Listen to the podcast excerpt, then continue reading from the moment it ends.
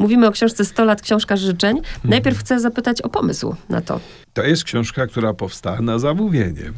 Muzeum Etnograficzne w Krakowie ma taki projekt poświęcony tematowi życzeń. W szerokim sensie tego słowa, składaniu życzeń, ale też temu, że ludzie sobie czegoś życzą, ale też wierzą, że ich życzenia się spełnią, kiedy zrobią taką czy inną rzecz, prawda, czasem magiczną, na przykład złapią się za guzik i wtedy będzie szczęście, albo zmuchną świeczki na torcie i tak dalej. W ramach tego wielkiego projektu, tego przedsięwzięcia życzenia, poproszono mnie, żebym napisał taką książeczkę złożoną z krótkich esejów, właściwie takich obrazków trochę, pokazujących właśnie różne wymiary tego słowa. To nie jest książka antropologiczna. To nie Ale jest... jest piękna oprawa graficzna, trzeba Tak, dodać. I tak, muszę od tak. razu zapytać, bo to są zbiory muzeum, tak? Tak, tutaj od początku był taki pomysł, że ja piszę trochę jakby niezależnie od tego, co w zbiorach muzeum jest, ale potem wybierzemy takie ilustracje ze zbiorów, które będą dobrze z tą książką współpracować. Nie wiem, piszę o ślubie, o tym właśnie, czego się życzy młodym. No i dobieramy zdjęcia pod tym kątem. Piszę o tym obyczaju właśnie łapania się za guzik na widok kominiarza i zna znajdujemy w zbiorach przepiękne, zresztą archiwalne zdjęcia kominiarzy, zarówno takich miejskich kominiarzy krakowskich tam z początku XX wieku, jak i takich wiejskich kominiarzy, które jeszcze niedawno można było spotkać na, na ulicach. No więc y, to, szalenie mi się spodobał ten pomysł właśnie, że że, że to jest jakby taka opowieść nad, w pewnym sensie dwutorowa. To znaczy jest ważne słowo, ale też te obrazy. Odpowiedział pan na moje pytanie, bo się właśnie zastanawiałam, jak to było. Czy dostał pan zdjęcie i musiał pod to zdjęcie napisać tekst, ale jednak było odwrotnie. To ja dostałem bardzo dużo materiałów z Muzeum Etnograficznego i z początkowo myślałem, że będę pisał właśnie trochę korzystając z tego, co, co, co jest w tych zbiorach. Ale potem ustaliliśmy, że właściwie lepszy jest taki ton, tej opowieści, który jest bardziej osobisty, gdzie ja piszę o swoich przeżyciach, swoich wspomnieniach, swoich lekturach, ale równocześnie otwieram możliwość zilustrowania tego czymś, co już nie jest moje, prawda? Nie jest ściśle z moim życiem związane. Tu się chyba w tym kryje taka filozofia, że no, wszystko, co ważne, przychodzi do nas jednak przez, prze, znaczy przechodzi przez nas samych, prawda? Jeśli przesądy, to takie, które sam w które sam wierzyłem.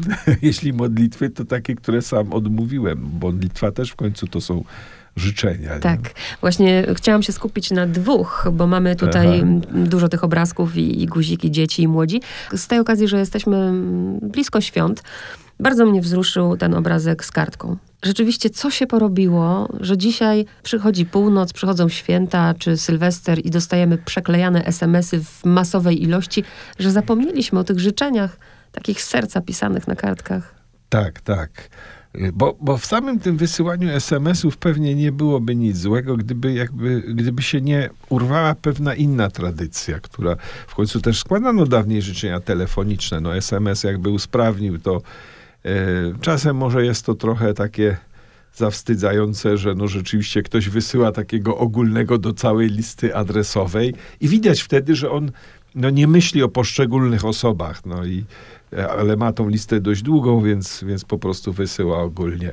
Ale po, powiedziałbym, ja bym to interpretował pozytywnie, bo w końcu no, wyraża się w tym jednak jakaś życzliwość wobec ludzi. Natomiast jest ta druga strona, że często do najbliższych, do ludzi, którzy może na to czekają, no nie wysyłamy tych kartek, nie mamy tego jakoś takiej dyscypliny. Mówię także o sobie, bo sam często sobie to wyrzucam, że nie mam na tyle dyscypliny, że nie wiem, na przykład do wielu osób starszych, samotnych, do których trzeba by się przed świętami odezwać, do których staram się w ogóle odzywać w ciągu roku także, nie, ale przed świętami szczególnie, że, że gdzieś tam zapomnę. I to się bierze w ogóle z takiej kulturowej zmiany, w której no, kartka z jednej strony jest takim wielkim dobrem, bo właściwie każdy z nas by się ucieszył, jakby dostał ręcznie napisaną kartkę Bo to jest ten kogoś. wysiłek, który Tak, ktoś tak. musiał włożyć, kartkę kupić, napisać Tak, na niej tak, indywidualnie. tak. Pan pisze Czasem o... zrobić taką kartkę, prawda, samemu, to też jest bardzo przyjemne. U mnie w rodzinie, bo pisze pan o tradycji swojej rodziny, u, mnie jest bardzo podobna, że kupuje się kartki, to jest piękna tradycja. No moja mama tego bardzo zawsze pilnowała, żeby po pierwsze kartki na święta nie były za bardzo świeckie, a, a jak się łatwo domyśleć, w PRL-u nie było o to łatwo. A po, po drugie, nie, żeby te kartki właśnie były oryginalne żeby była w nich jak największa rozmaitość. Pisząc te, ten rozdział, y, myślałem też o tym, że jest tyle możliwości tak naprawdę. My sami możemy te kartki zrobić. Y, W ten sposób jakby też się czymś podzielić. Nie wiem, niektórzy robią na przykład zdjęcie rodziny pod choinką i rok później wysyłają je jako życzenia y, świąteczne. No ale teraz y, jakby media społecznościowe to przejęły i ludzie tam zamieszczają takie zdjęcie, no nie wiem, ukochanego kota w czapce Mikołaja na przykład i, i wesołych świąt. Mnie no. zasmuciło to, sama w to weszłam, bo nie powiem, absolutnie nie Tak. chcę tutaj, że oceniam innych, a jestem wyjątkowa. Taka łatwizna teraz, na którą wszyscy idziemy, że już nawet nie chce nam się przeklejać i wysłać SMS-ów, tylko na Facebook wrzucamy wszystkim, którzy to czytają, wesołych świąt życzę. Tak, tak, I z głowy tak, pozamiatane, nie? No, no to jeszcze, mówię, w, w samym tym nie ma niczego złego, moim zdaniem. Sam zamieszczam życzenia na Facebooku, bo nie do wszystkich dotrę. Czasem życzliwie myślę o kimś, kto jest tylko moim znajomym na Facebooku, tylko jaż. No nie, nie spotykamy się często. Więc w tym, sam, w tym nie widzę nic złego, natomiast jakby rzeczywiście to zwolnienie się z takiego, z takiego pewnego wysiłku Tak. jest trochę y, brakiem. Tak jakby właśnie w, w tym okresie świątecznym ta nasza to, co jest w końcu dla świąt najważniejsze, że święta są wspólne, że to, są, że to jest świętowanie pewnych relacji. Nie? Ludzie mają zresztą ogromny problem, o tym też traktuje ta książeczka i cały projekt Muzeum Etnograficznego w Krakowie o tym też traktuje. Mają problem w ogóle ze składaniem życzeń. I do tego właśnie chcę dojść, bo drugi obrazek, który wybrałam, to jest Zawstydzenie. Aha. E, I pojawia się ksiądz Tischner, prawda, z roku 47, który e, opisuje swoje wspomnienia, jak niewygodnie się czuł podczas Wigilii, jak krępowało go to składanie życzeń i bardzo bliskie mi to było, bo przyznam Tak. szczerze, że coś podobnego mając tyle lat przeżywałam.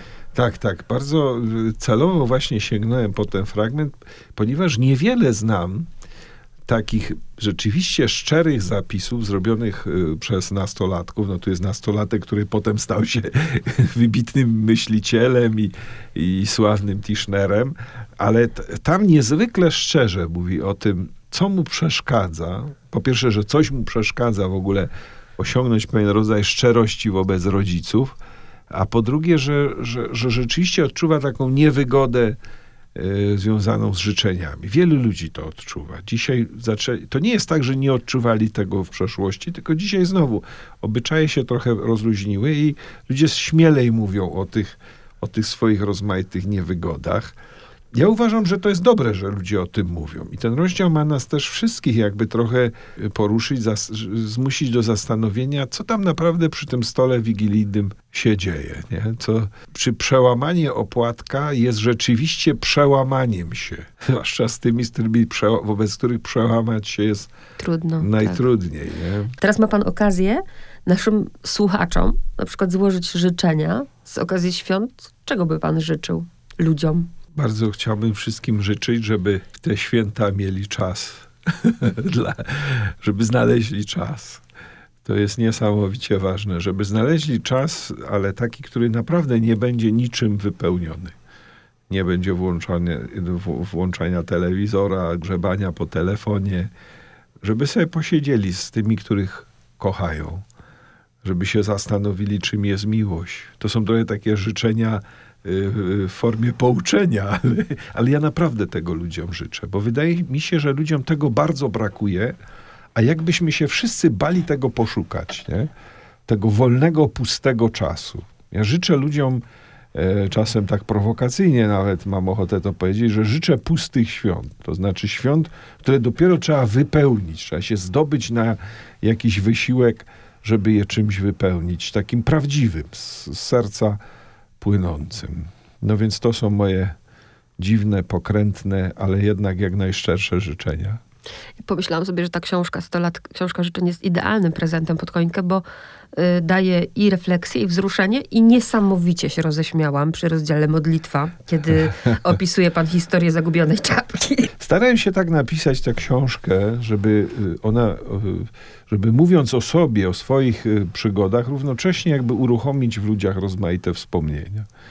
I to uruchomić, powiedziałbym, w taki sposób niesentymentalny. Ja, ja, ja w ogóle nie jestem specjalnie sentymentalny i nie lubię też, jak ktoś mnie, że tak powiem, szantażuje emocjami.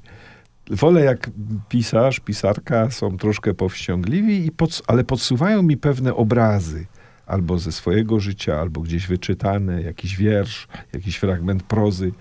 I ja wtedy nagle czuję, że we mnie coś się budzi na, na, na, na, na w zderzeniu z tym obrazem. Jakieś we mnie odżywa jakieś wspomnienie. Tak, ja też kiedyś widziałem kolędników, opisuję tutaj kolędników chodzących po blokach. To czasem jest dosyć żałosne dzisiaj, bo chodzą takie, takie postaci z papierowymi szopkami. Jak sobie przypominam moje dzieciństwo i tych kolorowych kolędników, których jeszcze zdążyłem zobaczyć, to myślę, że jest trochę szkoda, iż taki regres nastąpił. Ale to jest tak ze wszystkimi procesami społecznymi, że przychodzi regres, a potem nagle nie wiadomo czemu przychodzi odrodzenie. Ludzie jak sobie właśnie uświadomią regres, to zaczynają się mobilizować. Każdej akcji odpowiada reakcja, więc liczę, że też myślę pewne obyczaje znowu jakby odżyją. No i przede wszystkim, żeby ten opłatek w tej ręce się znalazł. To jest bardzo ważny symbol. To jest bardzo piękny w ogóle symbol. Znowu powiedziałbym taki przekraczający tylko y, wymiar religijny, chociaż oczywiście mający swoją religijną wymowę, ale ta, ta kruchość tego opłatka, tego, że to, co nas łączy, jest często bardzo długo, długie, bardzo mocne, a równocześnie bardzo kruche. I my to możemy zniszczyć, jeśli nie będziemy yy, o to dbali. I kończąc powiem, że udało się panu coś niesamowitego, bo z jednej strony te eseje są osobiste, a z drugiej stają, to są nasze wspólne doświadczenia, które ja też pamiętam. To jest bardzo przyjemne w ogóle uczucie dla autora zawsze, kiedy ktoś mówi, to jest o mnie, prawda? My piszemy jakiś bardzo osobisty wiersz, czy, czy osobisty esej, czy felieton. Ktoś mówi, wiesz, napisałeś to o mnie, ja, ja się tam odnalazłem. O czym to świadczy? No o tym świadczy, co jest najprostsze, że, że tak naprawdę jesteśmy wspólnotą. Wiele nas różni, ale to wiele to naprawdę niewiele. Bardzo dziękuję. Dziękuję bardzo.